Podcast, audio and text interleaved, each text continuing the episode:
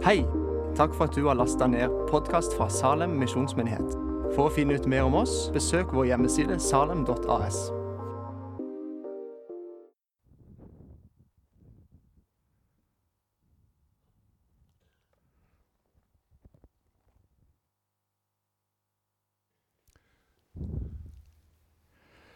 Takk skal du ha, Toril. Skal vi se, nå må jeg være litt allergisk. Skrur du ned den?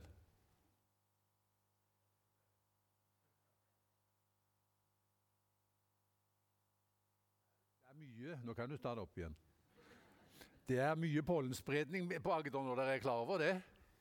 Og jeg, jeg, merker jo det godt på, på nesa mi. da. Nå har jeg jo en ganske stor nese også, så det er fort gjort å fange opp det at det er pollenspredning i, i, det, i landsdelen.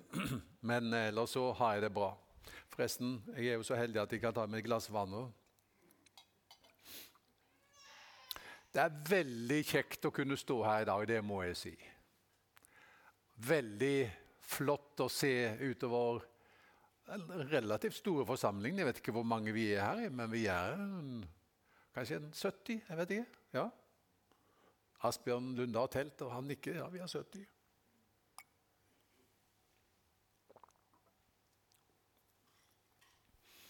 Og det er en stor, stor glede. Takk for at dere har stått med også gjennom dette året her, som eh, Bjørn Stian sa. Og, og eh, båten bærer. Økonomisk så har det, dette året her eh, gått godt. Alt tatt i betraktning. Akkurat nå er vi i en eh, kritisk eh, fase. Det er vi, og Derfor så har det vært en koronaaksjon som har eh, Jeg har ikke siste, de siste tallene. Da har du det, Bjørn Stian? Eller Harald? Men jeg tror det har kommet inn 200, i sånn her, 200 000 i en sånn spontan eh, koronaaksjon. Og det var en som uh, ringte meg og sa gir, han er ikke medlem engang. Jeg gir 25 000 til dere skjønner at det nå er det en krevende situasjon for menigheten. så jeg gir 25 000.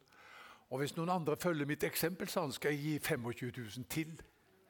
Det var fantastisk.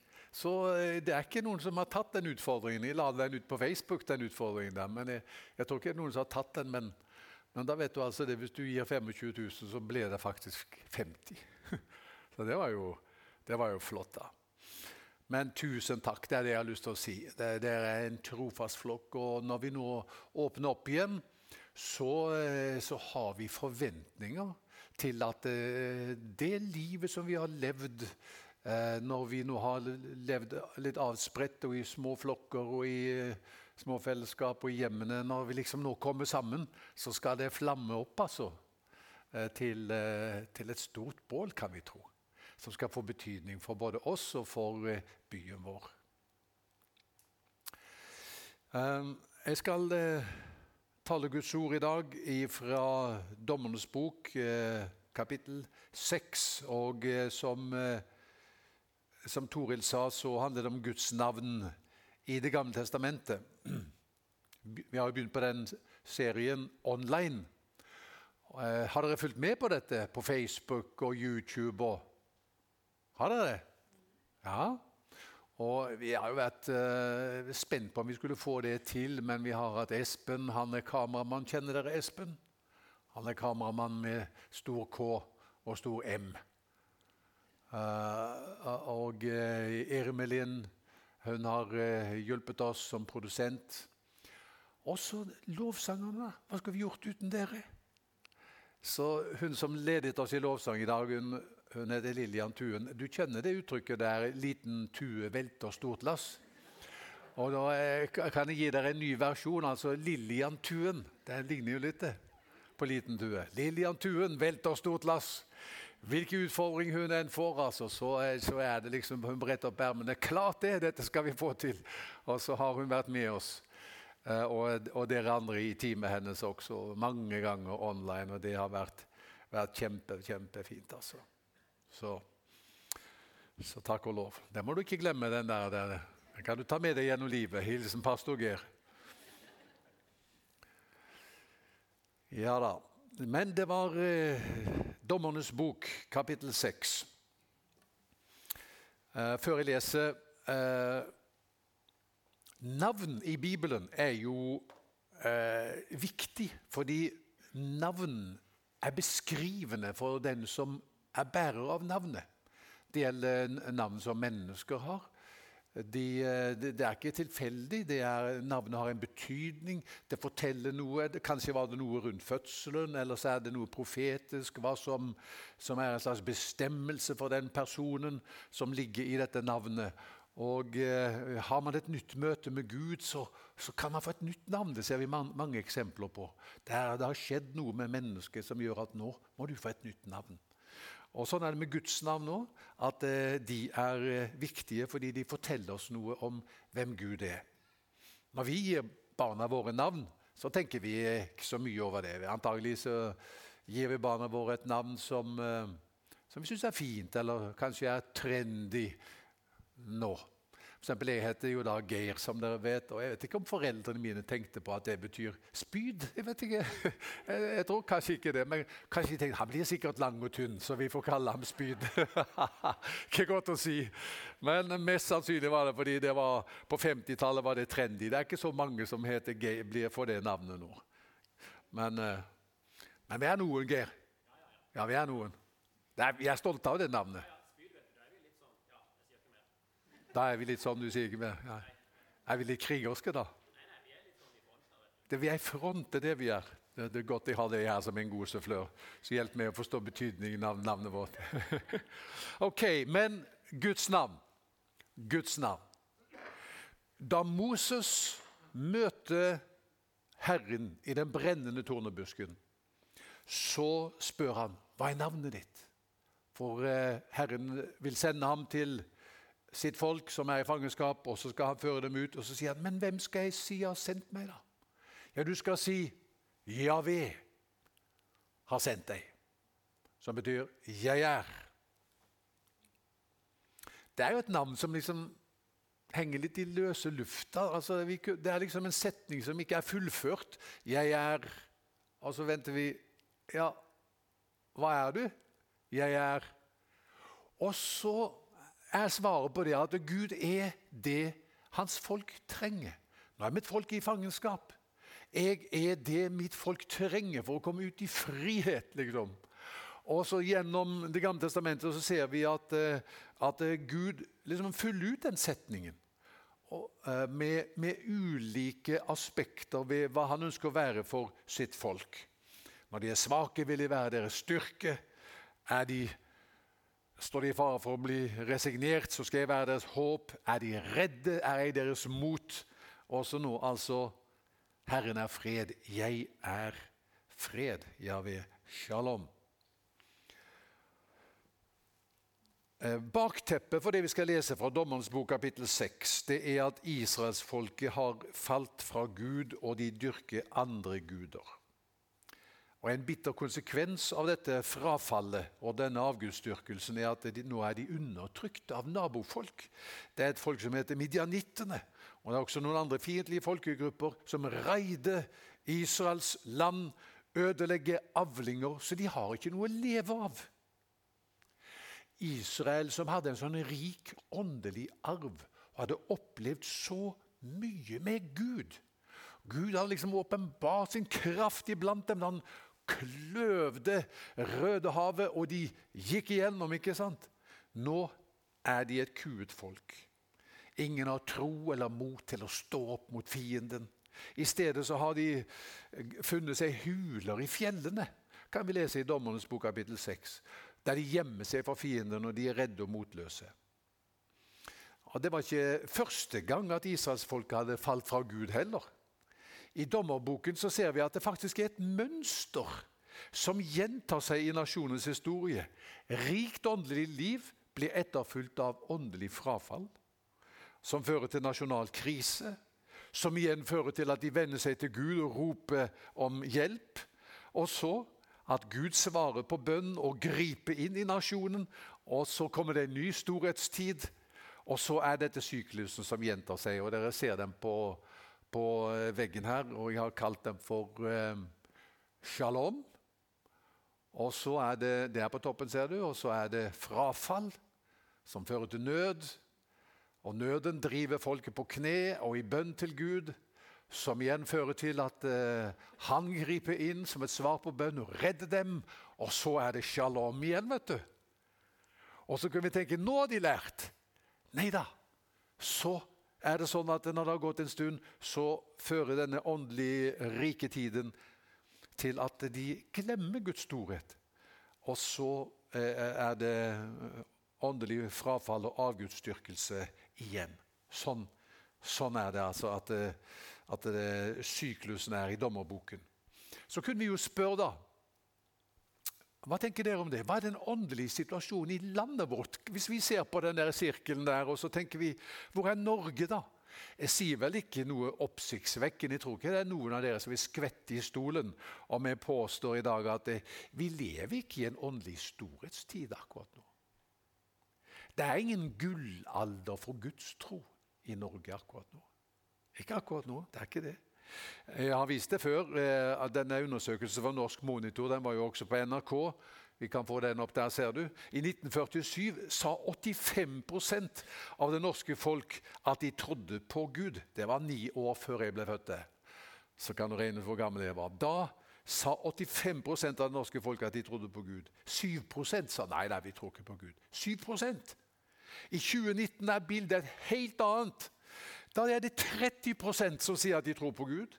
Og 47 i eh, eh, befolkningen sier vi tror ikke på Gud. Så vi er med andre ord i en bølgedal åndelig sett. Det har konsekvenser på mange områder. Og sjøl så, så, blir jeg fortvilet når jeg ser eh, også hvordan eh, synet på det ufødte liv eh, er i endring, og abortgrenser utvides. Og jeg tenker at det, hmm, om det er en sammenheng her mellom, mellom at man faller bort fra Gud og, og synet på mennesket, rett og slett. Men ting kan endres.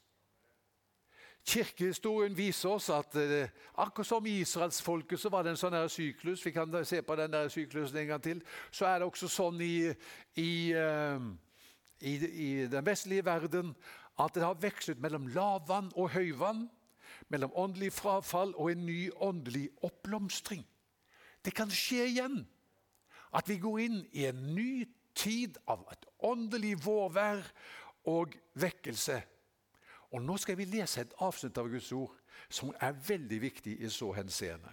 Hadde vi hatt tid, så skulle vi lese hele kapittelet. Er du veldig interessert, så les kapittel 6 og 7 når du kommer hjem fra dommerboken. Nå skal vi lese et lite utsnitt, og vi leser fra vers 11.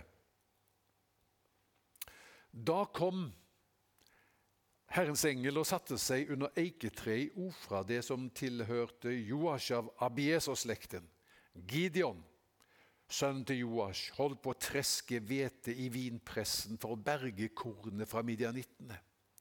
Da viste Herrens engel seg for ham og sa til ham, Herren er med deg, du djerve kriger.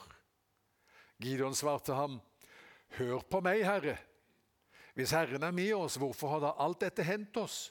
Hvor blir det av alle hans under, de som fedrene våre fortalte oss om? De sa at det var Herren som brakte oss opp fra Egypt, men nå har Herren forlatt oss og gitt oss i hendene på midjanittene. Herren vendte seg til ham og sa, Gå og bruk den styrken du har, til å berge Israel ut av hendene på midjanittene. Det er jeg som sender deg. Gideon sa til ham, Hør, Herre, hvordan kan jeg berge Israel? Min slekt er den svakeste i Manasseh, Manasse, og jeg er den yngste i min fars hus.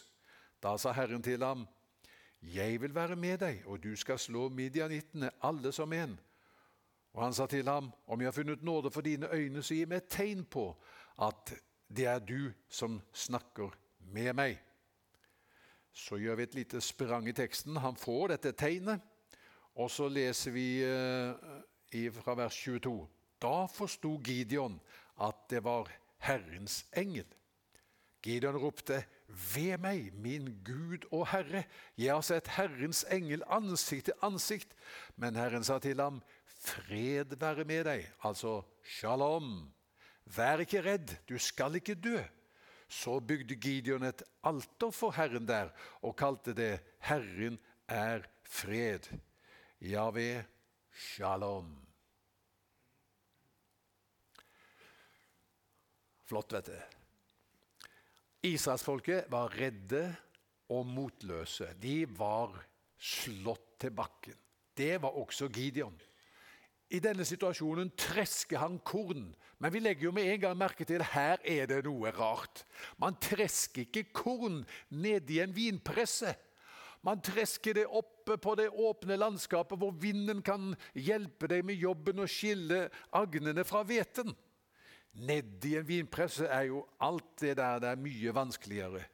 Men det det handlet om for Gideon, det var å skjule seg for midjanittene og om mulig få berge unna noe mat fra fienden. Og I denne situasjonen er det altså at en Herrens engel oppsøker han og så sier til ham følgende Herren er med deg, du djerve kriger. Gideon protesterer høylet på det, som vi nettopp leste. Og han sa det er ikke noe som tyder på at Herren er med verken med oss eller med meg. Det er heller ting som tyder på at han har forlatt oss. Og Herren svarer ham, men gå og bruk den styrken du har, til å berge Israel ut av hendene på midjanittene. Det er jeg som sender deg. Gideon lar seg ikke overbevise. Så han sier til Herrens engel, Hør, Herre, hvordan kan jeg berge Israel? Min slekt er den svakeste i Manasseh, og jeg er den yngste i min fars hus. Det som slår meg her, det er at det er en stor kontrast mellom hvordan Gideon ser på seg selv og på situasjonen, og hvordan Gud ser på ham og på situasjonen. Og Det var avgjørende viktig at Gideon ble synkron med Herren i forhold til hvordan han skulle se på seg selv og situasjonen. At han fikk se på det med Guds øyne. Gideon sa 'Jeg er den svakeste'. Og, eller 'Min familie er den svakeste'. Og blant de svakeste så er jeg den yngste. Så jeg altså helt bakerst i rekken her. Og Gud sier til ham, 'Du er en djerv kriger. Gå med den styrken du har.' Så det er viktig. Skal vi se en endring i landet vårt også, så er det viktig at vi ser på oss selv og på Gud og Guds muligheter med nye øyne. Gideon ba om et tegn på at, eh, at, eh, det var Gud som hadde talt med ham. Og eh, Han kom med et offer, og flammene slår opp av dette her offeret. Og da skjønner han at det er Gud som han har møtt. Da blir han skrekkslagen. Hvem kan overleve noe slikt? Han er et menneske, han har møtt Gud. Men ikke bare er han et menneske, han er et syndig menneske. Her har han argumentert mot Gud. Han har vært kritisk, negativ, tvilende, avvisende. Og han tenker ok, kanskje har jeg kunnet komme unna med det ellers, men nå, ansikt til ansikt med Gud, det er ute med meg, tenker han. Da er det Herren beroliger ham med følgende ord. Fred være med deg. Shalom. Vær ikke redd, du skal ikke dø. Og Da bygger han et alter der for Herren, og så kaller han dette alteret 'Herren er fred'. Herren er shalom. Jeg er et menneske, er et syndig menneske. Svak, tvilende, litt depressiv, pessimistisk av natur. Herren kommer til meg, og så sier han likevel 'shalom'.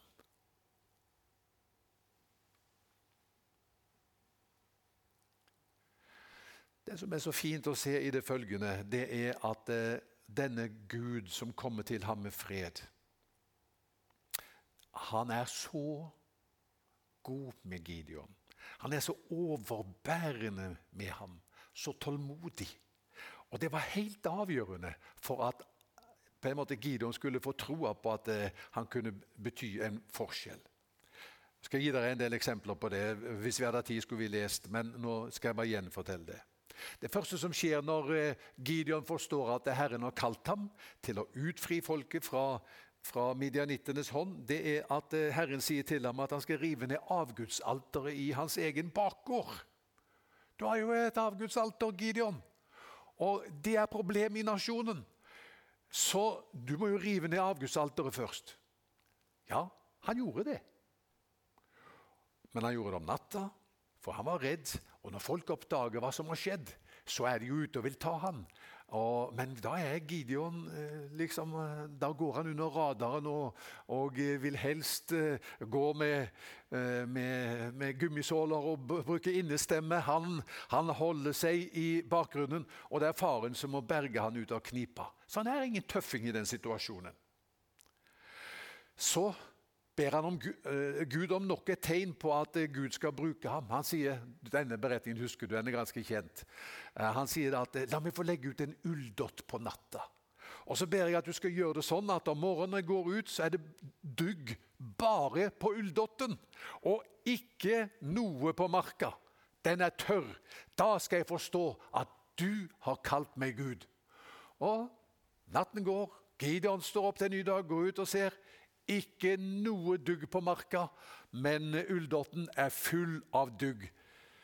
Da skulle vi tro at han skjønner Gud har kalt meg. Men nei da. Han ber om et tegn til. Herre, jeg ber om at eh, jeg skal få legge ut ulldotten en gang til, og nå må du gjøre det motsatt. Nå må du gjøre det sånn, Herre, at når jeg kommer ut eh, etter nattens søvn og kikker på ulldotten, så skal den være helt tørr, og så skal marka være full av dogg. Og så Sånn blir det neste dag. Ulldotten er tørr, og marka er full av dugg. Jeg mener, Gud kunne jo ha satt ham på plass. Og da, Gideon, hvor mange tegn skal du ha? I stedet så lar han han altså få tegn etter tegn, bare for å overbevise han om at uh, at eh, det er Gud som har kalt ham. Han er Javé Shalom. Han kommer med fred til denne svake, feilende personen. Men fortsatt er ikke Gideon klar. Han, han, er ikke sikker på om dette her vil lykkes. Så når han skal samle soldater til, til å gå til angrep mot midjanittene, leser vi, så samler han 32 000 mann. Det er, eh, det er eh, halve Kristiansand. Den, ikke nå lenger, da. Det, er det en tredjedel, men, men um, det var mye mann. Mye folk. 32 000. Så tenker han det må jeg i alle fall ha hvis jeg skal vinne, Midianittene. Så, vinne over midjanittene. Så kommer Gud til ham og sier, 'Gideon, er det meg som har kalt deg?' Er det jeg som har lovet at jeg skal stride for deg? Du har jo altfor mye folk. Og så nedskalerer Gud hæren hans til 300 mann. Ja, han, han blir jo satt med en slags prøve der òg, da. ikke sant? Vel, la meg si, Det er der vi er også nå. Vi er litt sånn nedskalert, vi i Salem. Og nå er vi, nå er vi Hvor mange er vi? Nei, vi er mer enn det. Harald, nå ser jeg på deg. Hvor mange medlemmer er vi i Salem nå? 400 er vi, ja. Men, men det er ikke godt å si når vi har gått gjennom protokollen. Kanskje vi har 300, jeg vet ikke. Men, eh, men eh, poenget er i alle fall at det var en nedskalering som fant, fant sted der eh, hos Gideons folk. Og, og, 300 mann, og Gud sier 'jeg skal bruke dere, dere med de 300'. Gideon sier 'dette 'det kommer aldri til å gå'. Så sier Gud til ham, hør hva han sier. Ja, men greit, Gideon. Hvis ikke du tror på mitt ord, så får du gå ned til midjanittene da, og høre hva de sier. Og om natta så lister Gideon seg ned til midjanittene. Inn til et av teltene hvor disse fiendtlige soldatene er. Og så hører han den ene soldaten si til den andre. Du, jeg har hatt en drøm om at et byggbrød kom trillende ned mot midjanittenes leir. Da det kom fram, støtte det mot teltet så det veltet og ble snudd opp ned, og det ble liggende. Da svarte kameraten hans, det der kan ikke være noe annet enn sverdet til israelitten Gideon, sønnen av Joash. Gud har gitt midjanittene og hele leiren i hans hender. Da gikk det opp for Gideon at eh, Gud hadde kalt ham til å vinne over midjanittene og utfri israelsfolket fra deres hånd. hele denne beretningen her forteller noe veldig vesentlig om Gud. Han er Javé Shalom. Når Gideon er svak, han svikter og feiler, så var det atskillig mange muligheter for Gud til å gi ham opp, men han er så tålmodig. Hør, dommerboken er ikke en beretning om tapre, helstøpte idealmennesker og deres heltedåder. Men det er fortellingen om svake mennesker som formes av fredens Gud, som går runde etter runde med dem for å styrke dem og gjøre dem til redskaper i Hans hånd. Det er saken. Ok, mitt siste punkt er dette. Nå er det deg og meg det gjelder. Nå er det vår vakt. Det tenker jeg mye på. Jeg blir 65 år i år. Det er din vakt, Geir. Hva skjedde på din vakt? Som Herren kom til Gideon, så kom han til deg og meg.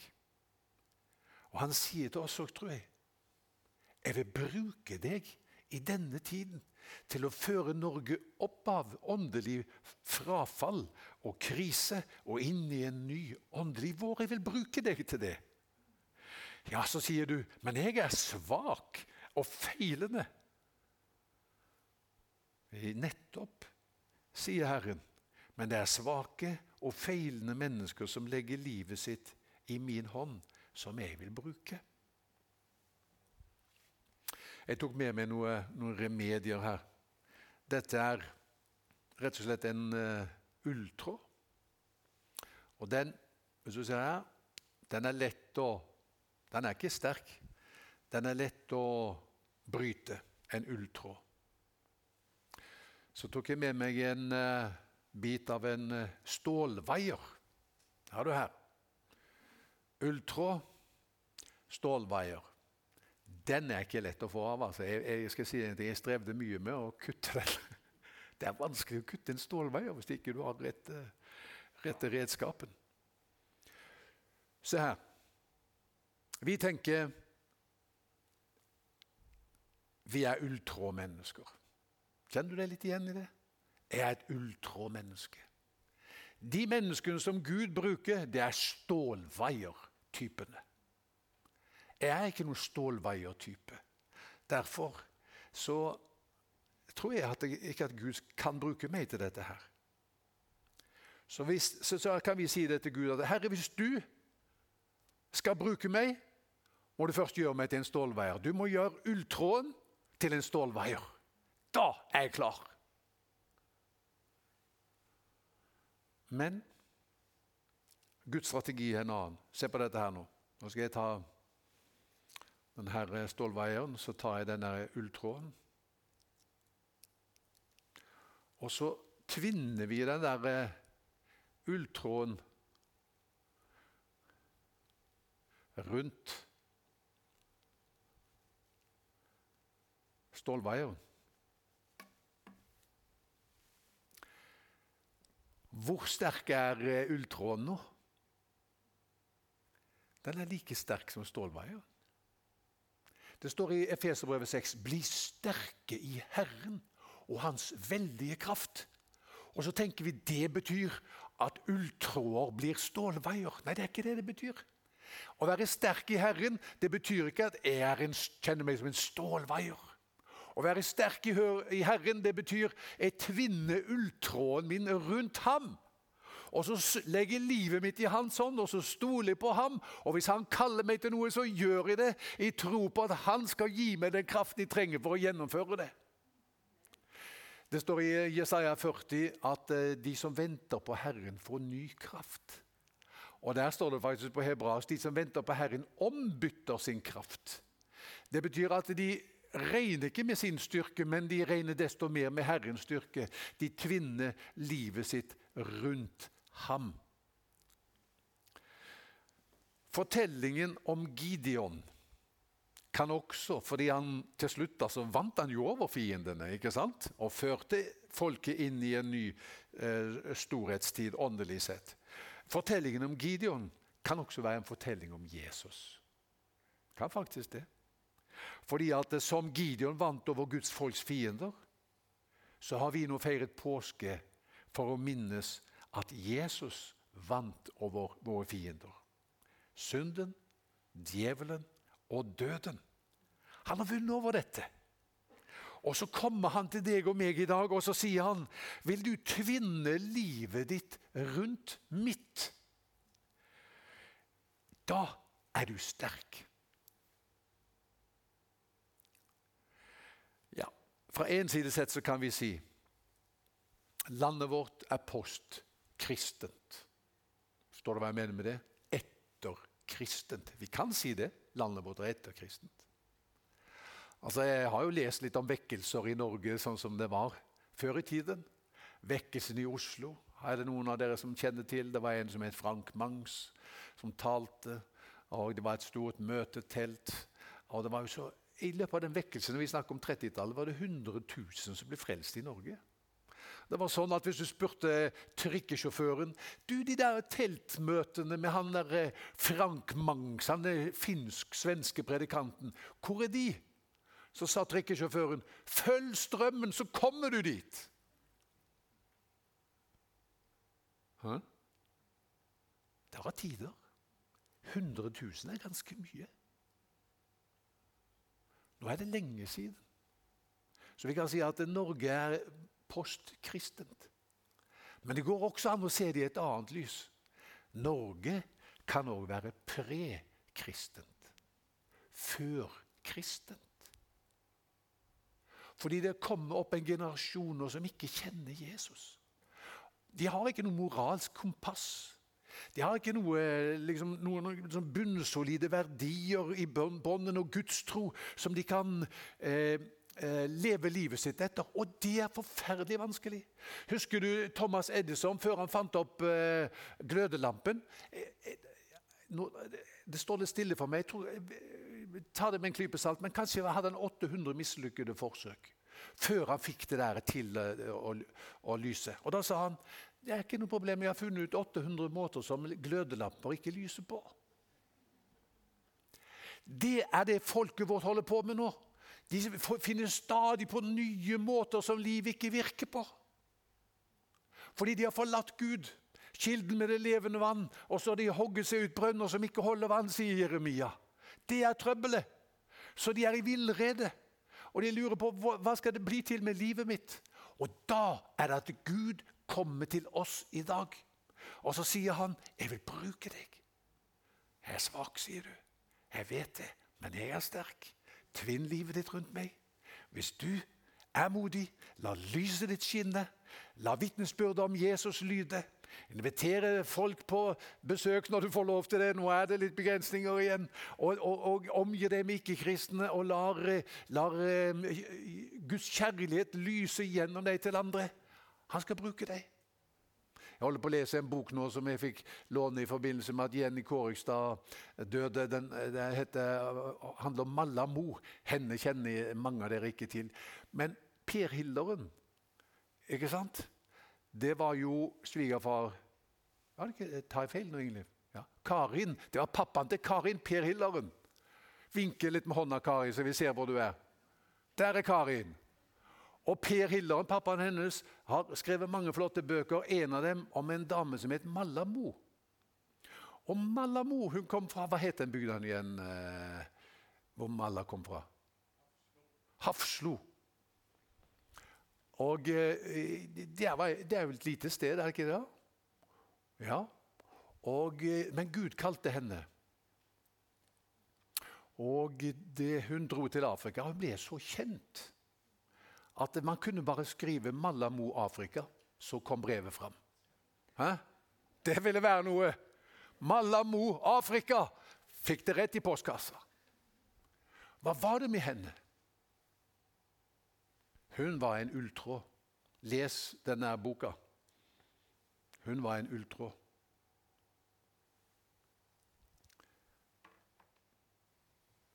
Ninni, var hun i slekt med henne? Hun var grandtanta hennes. Noe sånt.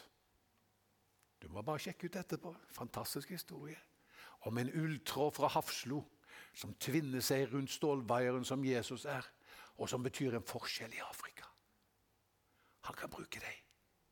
La oss be. Herre, vi priser deg for at du kommer til oss.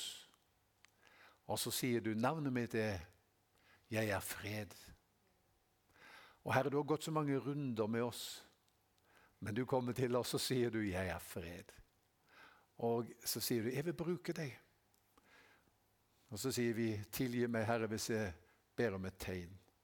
Jeg vil gjerne legge ut en ulldott. Ja, det er greit, legg ut ulldotten. Jeg vil bruke deg. Takk, Herre, for at du bruker ikke stålveiermennesker, men ulltråder som tvinner livet sitt rundt deg som stålveieren i deres liv.